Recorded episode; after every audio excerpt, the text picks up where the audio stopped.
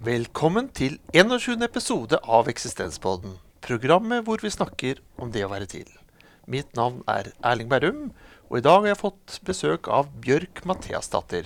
Du har blitt anbefalt av meg selv, og jeg ser fram til denne samtalen. Først og fremst takk for at du ville komme. Tusen takk for at du inviterte meg. Bare hyggelig. Hvordan vil du kort beskrive deg selv? Eh, Jeg er en kvinne som elsker mannen min og de barna vi har sammen, og familien min. Og jeg trenger at de elsker meg. Eh, og jeg mener at kjærlighet er like viktig for oss mennesker som mat og varme. Og derfor så er det også en sånn stor drivkraft i jobben min. Fordi jeg jobber med par, bl.a. Altså jeg møter de på kontoret mitt som parterapeut. Men jeg underviser også mye. Jeg holder kurs og foredrag, og jeg skriver. I Dagbladet Magasinet så skriver jeg en spalte om livet og kjærligheten. Og jeg har skrevet en bok som heter 'Å elske og bli elsket', som er kommet ut på Gyldendal. Og jeg skriver også på en ny bok nå. Hva tenker du kan være viktig å nevne om deg og ditt liv, i tillegg til det du allerede sa? Er det liksom noe spesielt som du vil gjerne at andre skal vite om deg? Ja, jeg tenker at eh, jeg er jo en fagperson som eh, tar utgangspunkt i forskning og det vi faglig vet i jobben min. Men samtidig er jeg jo også et menneske. Eh, og jeg jobber jo med noe som egentlig alle mennesker kan noe om, om med kjærlighet. Eh, og det jeg selv har opplevd i livet mitt, preger jo også veldig hvordan jeg tenker om kjærligheten. Og det gjør at jeg kanskje ikke er så mm, jeg endrer meg ikke så mye etter tidsånd eller, eller hva som er moderne trender innen forskning og sånn. Jeg har noe som er litt fast og bestandig, som jeg tror på, da. Jeg har opplevd noen ting i livet som nok har prega meg. Eh, og det første kan jeg kanskje si det er liksom bestefaren min. Han gikk alltid med to ringer på fingeren. To gifteringer. Og det lurte jeg ganske tidlig på hvorfor det. Og det var jo fordi at kona hans, altså moren til min mamma, døde når hun var tre år. Altså når mammaen min var tre år. Eh, og da skjønte jeg jo veldig tidlig at Fordi jeg snakket også med bestefar mye om kjærlighet. Eh, at den du elsker, kan dø. Og når jeg var 15 år, så flyttet faren min ganske sånn brått fra oss som familie. Eh, og da skjønte jeg at den du elsker, kan svikte deg. Eh, og som barn så hadde jeg de første årene før jeg begynte på skolen, en utrolig trygg, fin barndom. Og i skoletiden så flyttet jeg mye. Eh, så da opplevde jeg både å gå på skoler og være i miljøer der jeg ble godt ivaretatt og hadde det veldig fint og fine rammer rundt meg. Og jeg opplevde også et par år å være veldig, veldig mobba og utestengt, og ikke at det var plass til meg. Sånn sett så har jeg jo opplevd veldig forskjellen på det å bli tatt imot og bli utestengt. Forskjellen på det da få lov å være i et fellesskap og det å bli avvist. Kan jeg bare kort uh, bryte inn og spørre om liksom, hva, hva ble du mobbet for? Nei, det var jo fordi jeg var annerledes. fordi at jeg da hadde flyttet så mye, så snakket jeg veldig rart. Eh, og da, fordi jeg prøvde jo å tilpasse meg hvordan de snakket på det nye stedet. Særlig når de syntes jeg snakket rart, og da ble det jo enda rarere. Eh, og da var liksom ingen som forsto hva jeg sa. Og så, selv om jeg var kjempeflink i gym, var, så ble jeg alltid valgt sist. Og jeg måtte alltid bare stå hvis jeg det hele tatt fikk være med når man hoppa slengtau eller strikk eller Ja. Så, så det har nok også preget hvor opptatt jeg er av dette med tilhørighet, da. Hadde du noe annen annerledeshet bortsett fra det språklige, eller var det det det handlet om? Nei, jeg tror egentlig det handlet om det, men det er jo egentlig en, en lang historie i seg selv. Altså jeg, tr jeg tror jo også at når man kommer inn i nye miljøer, enten det er på jobb eller i skolegang og sånn, så er det også noe med hvilken eh, plass er ledig. Fordi at jeg har liksom flyttet til andre skoler hvor den plassen var ledig som eh, på en måte elevrådsformann og leder i flokken. på en måte, og Da har jeg fått den plassen. Men på denne skolen så var kanskje den der nederste plassen ledig, da. Eller kanskje at noen andre følte seg utfordra. Det vet man jo ikke. Forstår. Eh, Du har også blitt bedt om å velge en grunnleggende dimensjon ved det å være til som menneske. Eh, Jeg har mistanke om hva du vil prate om ut ifra hva du har sagt nå innledningsvis, men hva har du valgt som tema for i dag? Jeg har valgt kjærlighet. Og hvorfor dette temaet? Jo, det har jeg jo vært litt innpå, fordi jeg mener at det er like viktig som mat og varme. Og jeg mener at uh, kjærligheten, hva kjærlighet virkelig er, er underkommunisert. Og veldig mange kan på en måte for lite om det. Uh, jeg underviser også mye på folkehøyskoler, f.eks. snakker med ungdom om kjærlighet. Og jeg merker det suget som er etter kunnskap om kjærlighet, og det å kunne snakke om kjærlighet. I tillegg så nevnte jeg ikke i stad heller altså Den fjerde tingen jeg kunne sagt, som har preget livet mitt veldig, er at da jeg var ja, par og 20 år, så traff jeg mannen min, som jeg fortsatt er sammen med. Og som da Jeg fikk jo en knekk i troen på kjærligheten når foreldrene mine ble skilt, men hvor han liksom ga meg den veldig tilbake, da. Og selv om vi har også opplevd ja, vanskelige ting gjennom livet, sykdom, ulykker, sånne ting, så har eh, vi klart å stå i alt det sammen. Så jeg har jo lært veldig mye av han. Og han leser alt jeg skriver og er min både bestevenn og min store kjæreste, som jeg egentlig kanskje begynte med å si òg. Så kanskje jeg bare snakker meg bort. Nei da.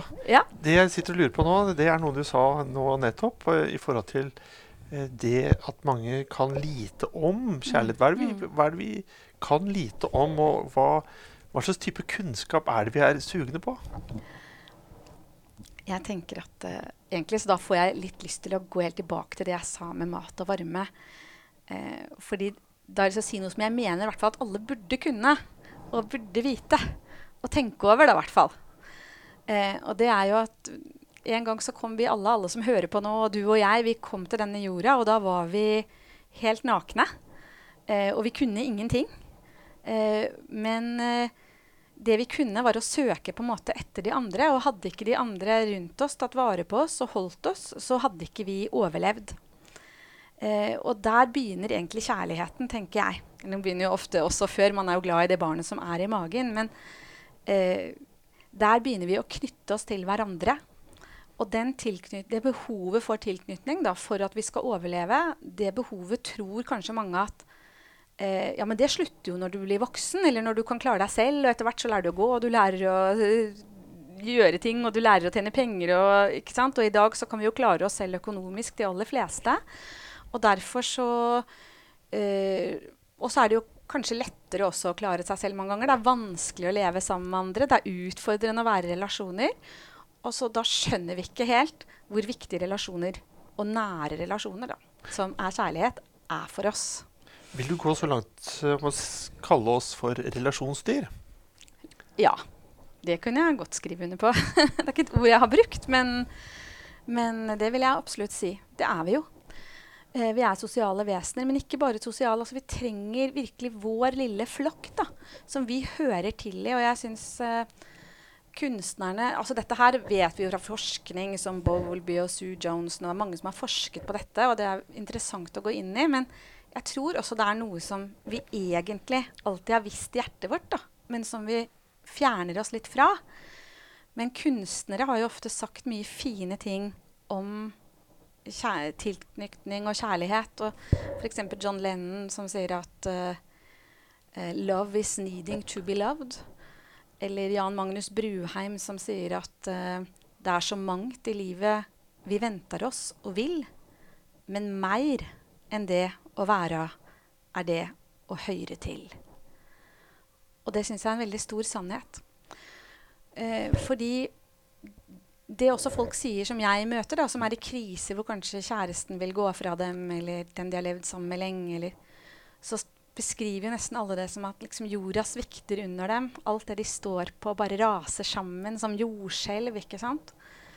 Og det er fordi det her båndet til et annet menneske eller noen nære mennesker er så fundamentalt viktig for oss. da. Og Derfor begynner jo også folk å lete etter nye kjærester når noe går i stykker. Hvis man ikke er blitt for såret og for redd. Hva tenker du om eh, det, idealist, det individualistiske idealet om at man skal kunne klare seg selv, og at man ikke skal bry seg om hva andre mener? og Jeg tror ikke på det. Du tror ikke på det? Nei. Jeg tror vi setter eh, ja, Det er også en veldig interessant svensk dokumentar som ligger på NRK, som heter 'Swedish Theory of Love'. Eh, som tar opp egentlig en italiener som har laget det. Fordi Sverige, rett før Norge, da, er de mest selvstendige landene i verden hvor vi setter selvstendighet aller høyest. Men hvor man ser på det, så er også folk veldig, veldig ensomme. Eh, men vi, vi, har den verdien veldig høyt, at vi ikke skal bry noen, og vi skal klare oss sjøl. Men nettopp fordi at helt fra vi er nyfødt, så vet vi det inni oss. At jeg overlever ikke hvis ikke noen passer på meg. Og eh, den bærer vi med oss helt til vi går ut av verden. Og derfor tenker jeg også at eh, alle som går ut av verden, også skulle ha en hånd å holde i idet man går ut av verden. Da. Hva ligger du i det å passe på meg? For eh, jeg mm. tenker når jeg blir eh, la oss si 18-20 år mm. Nå er jeg over det, da, men mm. I den alderen så tenker jeg at da klarer jeg å ta vare på meg selv. Mm. Eh, jeg trenger i gåsehøyde ingen som på en måte passer på meg selv. Mm. Men jeg har mistanke om at du legger noe mer i det å passe på meg ja, enn det jeg tenker nå. Ja, jeg tenker jo ikke sånn Kanskje jeg tar på deg lua, liksom. men, eh, men, jeg syns det er veldig morsomt det du sier. Altså, eller morsomt ta vare på deg selv. Fordi det er jo noe vi veldig ofte sier til hverandre. Ta vare på deg selv, sier vi. Men jeg syns vi mye mer skulle si ta vare på hverandre. For det er det vi trenger. Og eh, når vi bare prøver å ta vare på oss selv, da, så blir vi Er det noe så veldig fundamentalt vi mangler? eh, at eh, det blir en sårhet inni oss. Det er akkurat som For forskning som er gjort på gaver. da. Å gi hverandre gaver. Mange tenker det er jo bare tull. ikke sant? Hvorfor skal, du, hvorfor skal, du, gi en gave til meg? Jeg kan jo gå og kjøpe meg blomster eller en fin kjole selv. ikke sant?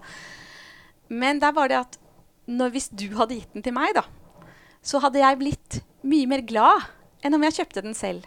Og du som gir den, hadde også blitt mye mer glad. Eh, det syns jeg er veldig interessant. Selv om du får den samme kjolen eller det samme skjerfet, sånn, så blir du mer glad av å få den av noen andre og gi den til noen andre, enn av å kjøpe tingen selv. Det samme er mat. I Korea for eksempel, så har det blitt veldig vanlig at man sitter og ser på YouTube-videoer av folk som spiser. Fordi folk sitter alene og spiser, og det er egentlig helt unaturlig for mennesket. Så da ser man på andre mennesker som spiser. Eh, ja, og dette er ganske interessant, for hvis man tenker sånn dypt nedi hjernestammen vår, da, så har vi Hva har mennesker alltid gjort når de har vært sammen? Jo, de har delt mat. Så det å spise middag sammen, f.eks., mener jeg er et veldig viktig uttrykk for kjærlighet. Da, og noe som holder oss sammen. Det å dele mat. Både altså med din familie og, og, kjæresten de vil leve med, men også med venner av og til. Og, og, der er jo også vi i Norge ganske langt nede på lista i forhold til tid vi bruker på å spise sammen. Og tidsbrukundersøkelser sånn viser at vi bruker stadig mindre tid på å spise sammen. Eh, jeg bare må ta en eh, parallell der da, fra ja. mitt eget liv. Jeg jobbet for mange år siden i ungdommen som sikkerhetsvakt i regjeringskvartalet. Og der mm. deltok jeg bl.a. på et terrorkurs. Oi.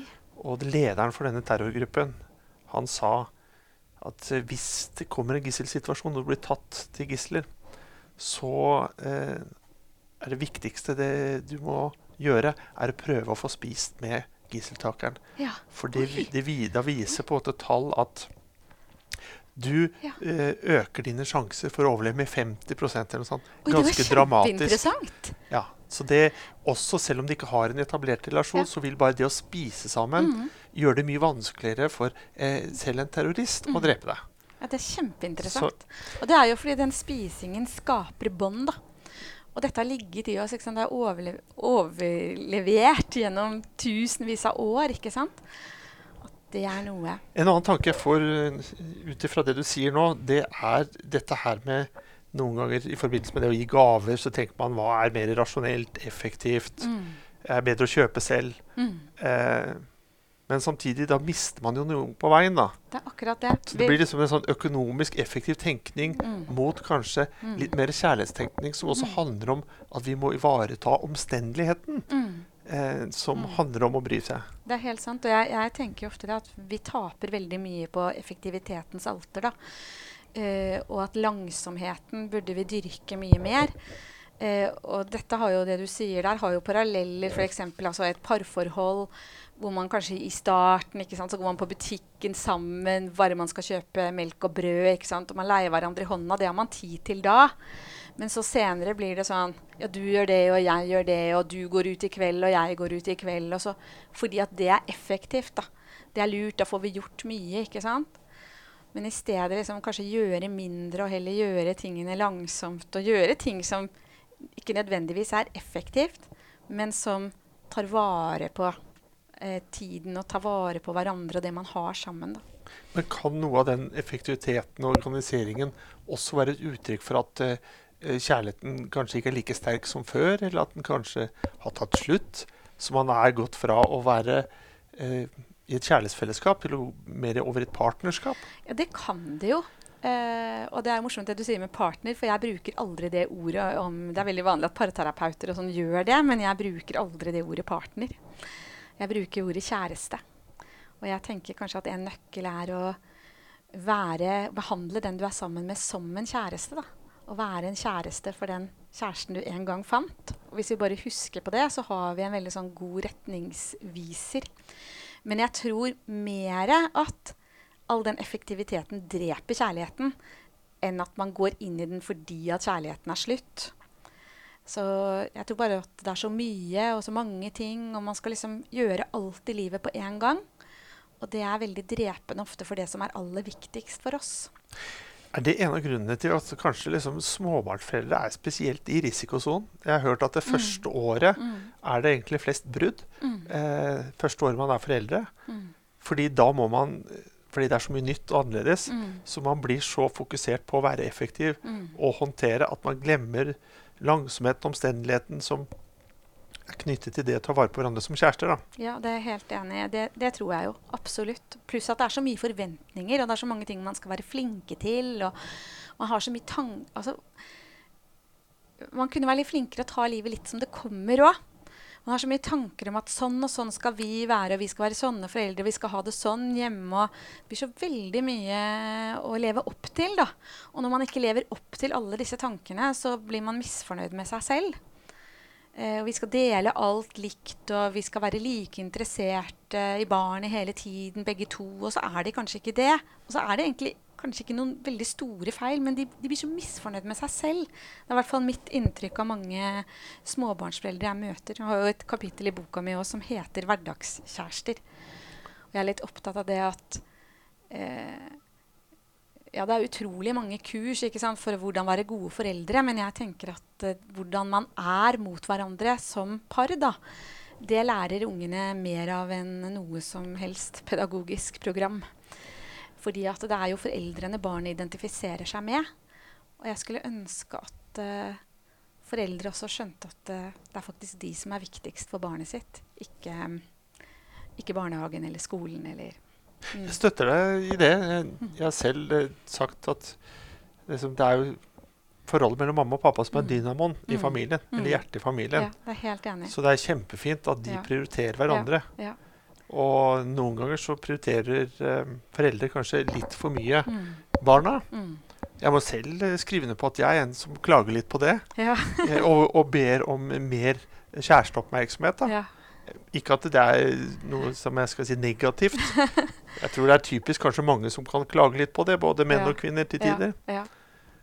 Men eh, hvis jeg forstår deg rett, handler dette her også om å da ta noen knallharde prioriteringer og redusere på en måte kanskje nivået på noe av servicegraden for eget barn, mm. for så å frigjøre tid til å kunne være litt mer kjærester, da.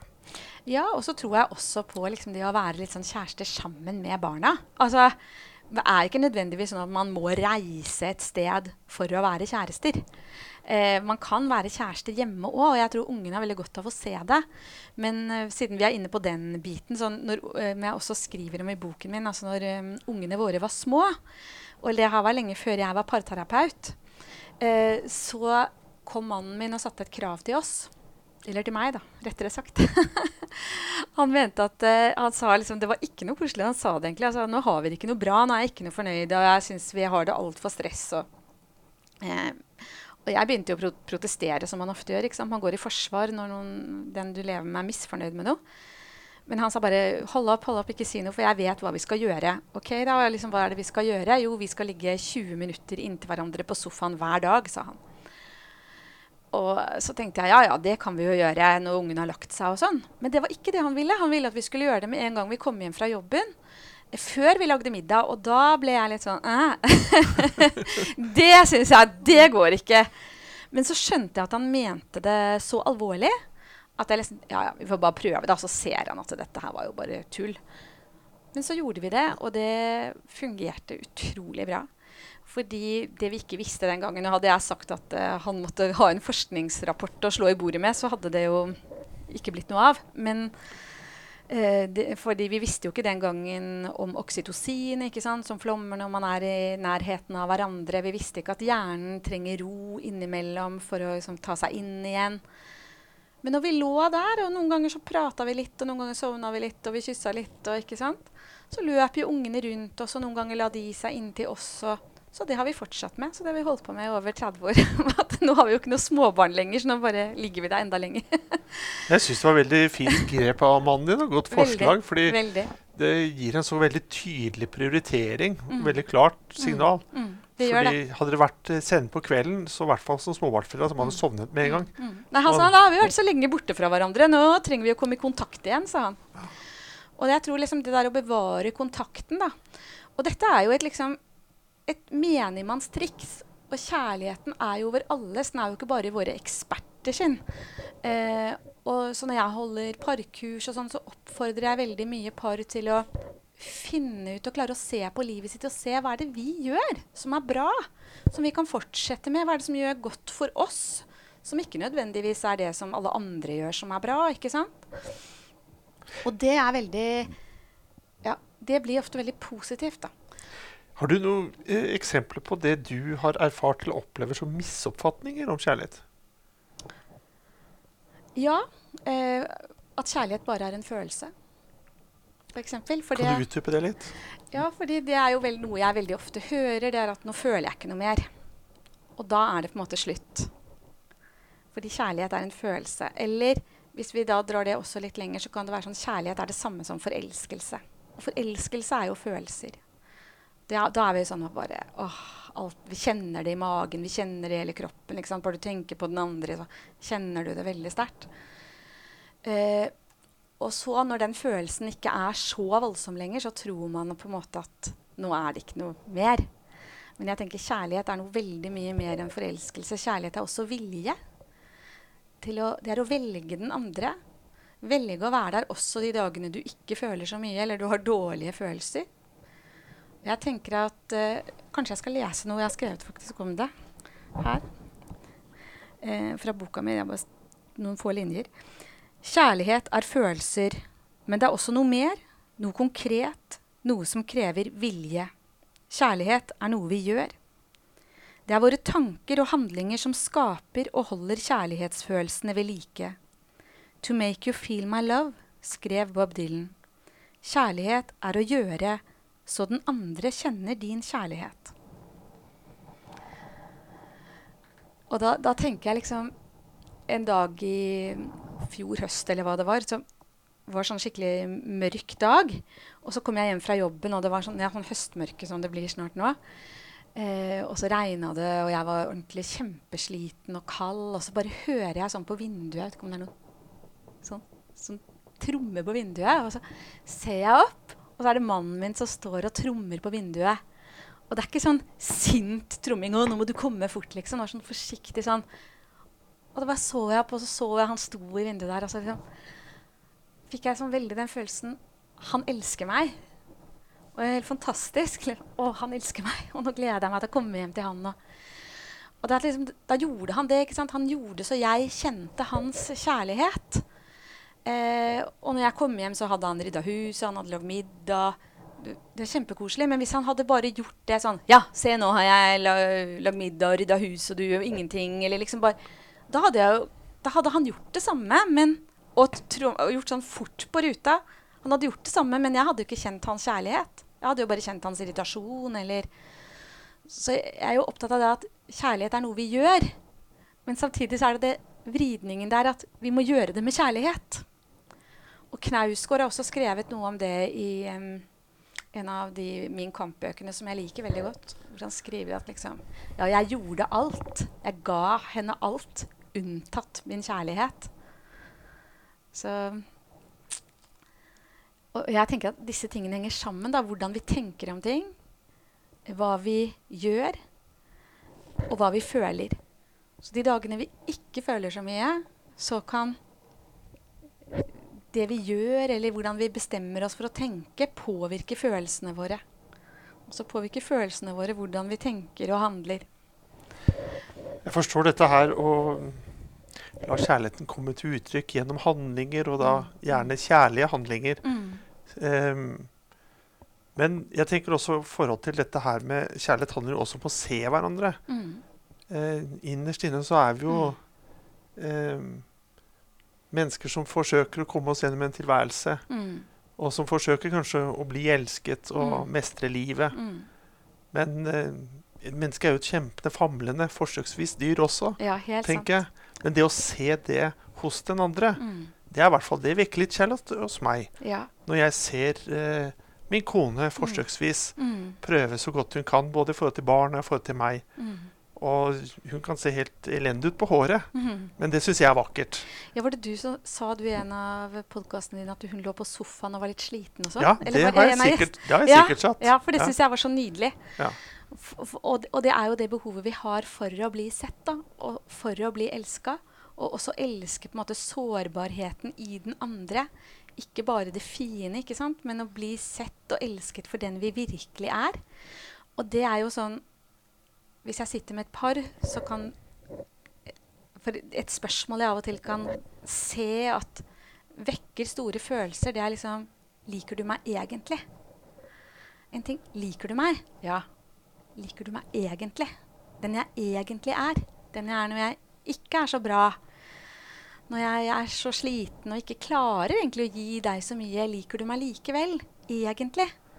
Og det er et av de spørsmålene vi virkelig trenger ja på. da, For å føle oss elsket og, og klare å fortsatt ha det fint i et forhold. Det er egentlig tre spørsmål. Det, er, det ene er er du her for meg? Det er det spørs første spørsmålet som vi er født med. liksom. Vi må vite det. Da kan vi falle til ro inni oss. Det andre det er liker du meg egentlig? Og så kommer har du lyst til å forstå hvem jeg er? Og det siste spørsmålet er veldig sånn kjærestespørsmål. Det med er du her for meg, og liker du meg, det vil vi veldig gjerne at foreldrene våre skal svare ja på. Og gjerne også det siste, men man kan ha godt forhold til foreldrene sine uten at de helt forstår hvem du er. Men kjæresten din, og i hvert fall sånn som vi lever i vår moderne tid, vi trenger virkelig det. At kjæresten vår viser at den forstår hvem vi er, og har lyst til å forstå det. Kanskje man, man forstår det jo ikke alltid fullt ut selv heller. Men liksom være med deg inn i det. Hvem er du? Og kanskje bli med deg på ting du liker, og ja. Som kanskje ikke den liker så godt, for å se hvem er du? Ha den interessen. Det trenger vi. Men når man stiller dette spørsmålet egentlig, Mm. handler det også om at man kanskje har blitt litt såret i utgangspunktet? For Mm. det er jo også et litt uttrykk av mistillit. Ja, altså det er, det er jo nok noe av grunnen til at det kanskje vekker så mye når par sitter i sofaen min. Fordi da har de jo ofte et problem. Og da kan de jo begynne å lure. Liker du meg egentlig? Den jeg virkelig er. Ikke sant? Eh, en del menn for eksempel, som kanskje er forretningsmenn og tjener mange penger, og sånn, så kan det bli sånn Hvis ikke jeg har den posisjonen, vil du like meg da? Ikke sant? Eller at de har den redselen i seg som kanskje ikke har noe med parforholdet egentlig å gjøre, men som har noe med hva de har opplevd tidligere i livet sitt, kanskje i andre parforhold, eller i barndommen sin. At foreldrene kanskje viste at ja, jeg liker deg når du er flink. Når du er flink på skolen, når du får til ting, da liker jeg deg. Men eh, de gir deg ikke følelsen av at jeg liker deg hvis du ikke får til ting. Ikke sant? Mm. Ja. Og, og hvis man har store sånne sår med seg, så kan jo de ja, bli enda jeg, Men jeg, så blir det enda viktigere at kjæresten på en måte klarer litt å reparere dem, da. For jeg opplever at liksom, sårbarhet, Mm. eller sårbarheten kan være et hinder for kjærlighet. da. Ja, det kan det jo. Eh, også. ja, og særlig hvis man ikke klarer å vise sårbarheten sin, tror jeg. Og ikke klarer å, å stole på den andre. Mm. Noen kan jo ha med seg så mye sårbarhet fra tidligere at de lukker seg og ikke tror på kjærligheten. Mange er jo blitt kanskje så svikta både i barndom eller av tidligere kjærester at man liksom lukker seg. Og jeg pleier jo alltid å si det til folk som ha, opplever vanskelige sånne ting, at ta vare på din kjærlighetsevne da, og din kjærlighetstro. Det er det viktigste nå for at du skal kunne få det bra igjen senere i livet. Og møte noen. ikke sant? Men hvis du lukker deg og ikke tør å tro på kjærligheten, og også slutter å bruke din kjærlighetsevne, at du blir mer bitter, da, eh, så er det jo problematisk.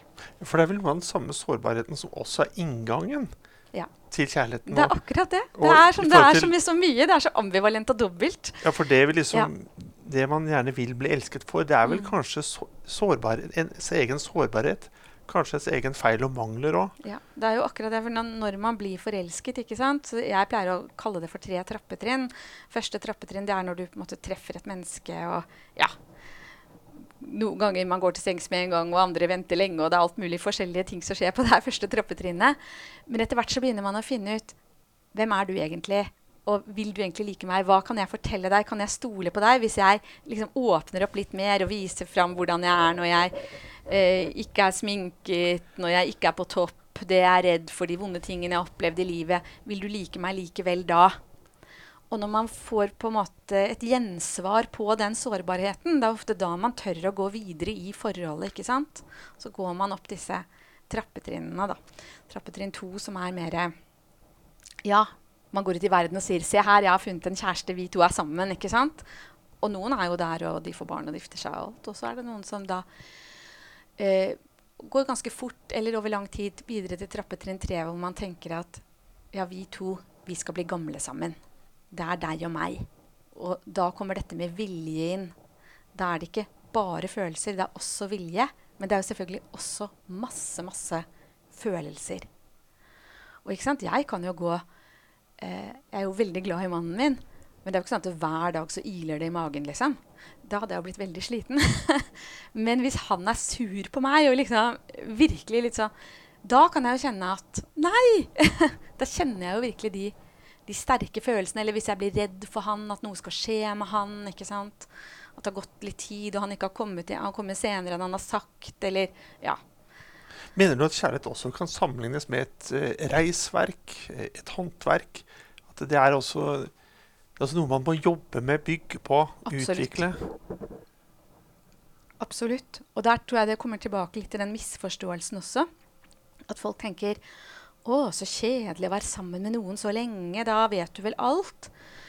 Men jeg tenker det var vel Jeg husker ikke hva han het. Roger Kuland som skrev en bok som heter 'Lekestue' for mange år siden. Dessverre han var utsatt for en ulykke, så det ble bare den boka. Det var også en serie på TV. Og der skriver han noe om at eh, ja, hvis du elsker med en ny hver natt, på en måte, så gjør du egentlig bare det samme om igjen. Mens når du elsker med den samme gjennom hele livet, så vil du på en måte fordype deg da, og gå lenger og lenger inn i det. Da vil du oppleve noe du ikke har opplevd før. Og det tenker jeg i hvert fall er et ønske veldig mange har. Og jeg tror at kjærligheten, og har sjøl opplevd at kjærligheten virkelig kan være sånn. At man kan utvikle seg sammen med et annet menneske. Og det er jo en fantastisk ting å få oppleve. Og det er jo noe jeg egentlig unner alle mennesker å få oppleve, da. Og det er jo mye av drivkraften til at jeg, at jeg gjør det jeg gjør. Vi er eh, nærmere slutten på samtalen nå. Eh, men boken din, 'Å elske og bli elsket', den har jo i seg en dobbelthet. Eh, jeg lurte på om du kunne kommentere liksom denne sammenhengen da, mellom å elske og bli elsket. Ja, fordi jeg, jeg tror egentlig at det henger veldig, veldig sammen. Altså, vi trenger noen, både noen å elske, noen å knytte oss til, noen å gi gaver til og gjøre gode ting for, og være til for. Altså sånn som f.eks. holdt mye kurs en periode for soldater som var i Afghanistan.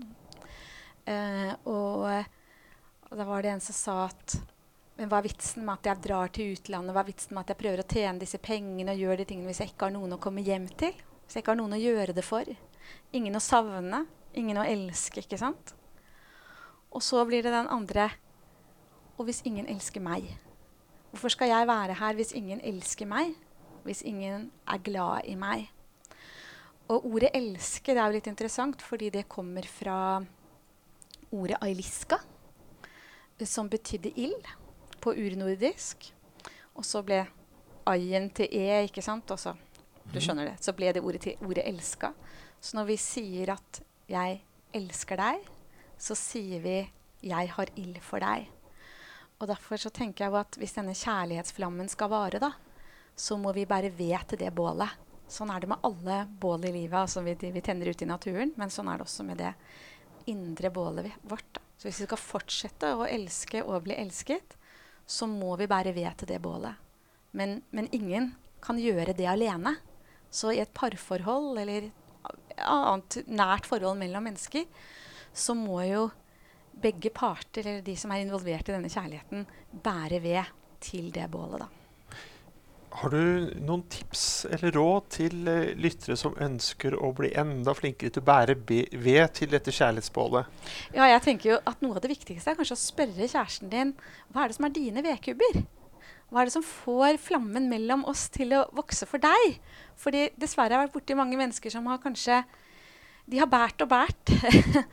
Men så har det ikke båret den tingen som den andre setter pris på. Ta det med gaver, f.eks. Jeg ville satt pris på det. Men kanskje ikke du var en fyr som satte så pris på det at du likte mer eh, fysisk nærhet, eller at man hadde en god, lang samtale. Eller, ja, ikke sant? Så er det jo viktig å, å, kunne strekke seg litt ut av seg selv og gi det som faktisk gir næring til kjærestens bål. Da. Og også øve seg på å se hva er det den andre bærer. Ja, fordi jeg tenker litt at jeg ville kanskje også vært litt, sånn, litt redd for, oss, for, å spørre. Mm. For det første fordi det kanskje virker uromantisk, og for det andre fordi jeg kanskje burde ha sett det. Mm. Så derfor så tar jeg heller sjansen på å gjette. Ja, Men det sant? kan være en feil, forstår jeg. Ja, jeg tror det at eh, hvis et forhold skal gå bra over lang tid Jeg tenker at i starten så skjønner jeg godt man er redd for å spørre sånn, og da blir det litt uromantisk òg. Og man må føle seg litt frem. Eh, men når man har vært sammen en god stund, så syns jeg nettopp å ha åpne samtaler om sånne ting er veldig smart. Og jeg får jo faktisk nesten meldinger hver uke fra folk som har, har lest boken min, eller ja, vært på noe kurs med meg, eller sånn, som, som, sier at de leser kanskje et stykke i boka sammen. da. Og så snakker de om det, og så prøver de å gjøre de, de tingene liksom, som kommer frem i samtalen. Så det har jeg litt tro på. At det, I stedet for at bare én tar opp noe, så hjelper det å lese noe som kommer utenfra, og så kan man diskutere det, for da blir det ikke så nært og farlig på en måte. Jeg tenker også ja. litt i, i, i, retning av liksom det viktigheten av å, å trene, f.eks. Ja. Så også viktigheten av å gjøre kjærlighet sammen. Ja. Og ha en litt sånn konkret uh, tilnærming også, ikke bare at det skal være en følelse, som du sa i stad. Ja. Det er det jeg tror, og, og jeg ser jo at, at, veldig mange blir veldig fornøyd når det er eh, altså Til og med folk som går i parterapi hos meg. altså når de ikke bare er prate, prate, prate, men at jeg også gir helt konkrete øvelser. For det er Å ja, kan vi faktisk gjøre noe? Ja. At det ikke blir så eh, bare svada, som noen sier, da. Jeg har også begynt å avslutte disse programmene med å spørre om noen fyndord eller livsmotto som du er spesielt glad i eller liker ja. å vise til. Ja. Har du noen av de du kan dele med lytterne? Det har jeg, men kan jeg, da, i stedet kan jeg lese bare en liten ting som står i boka mi. Ja, det er klart. Fordi at uh, jeg har veldig mange dikt og utdrag fra andre tekster og sånn uh, i boka. Fordi jeg mener at man må bruke både det akademiske og det kunstneriske og det folkelige språket da, hele tiden. Og så har jeg et lite stykke som egentlig sier det du spør om, veldig bra, av, eh, som jeg har tatt fra Carl Frode Tiller fra Innsirkling 1. Som jeg syns kanskje det passer godt å slutte med. Få meg eit kyss, sa mamma lågt. Og da jeg bøyde meg ned og kyssa henne, høyrte vi eit langt æsj fra deg oppe på trappa. Jeg hører det for meg, David.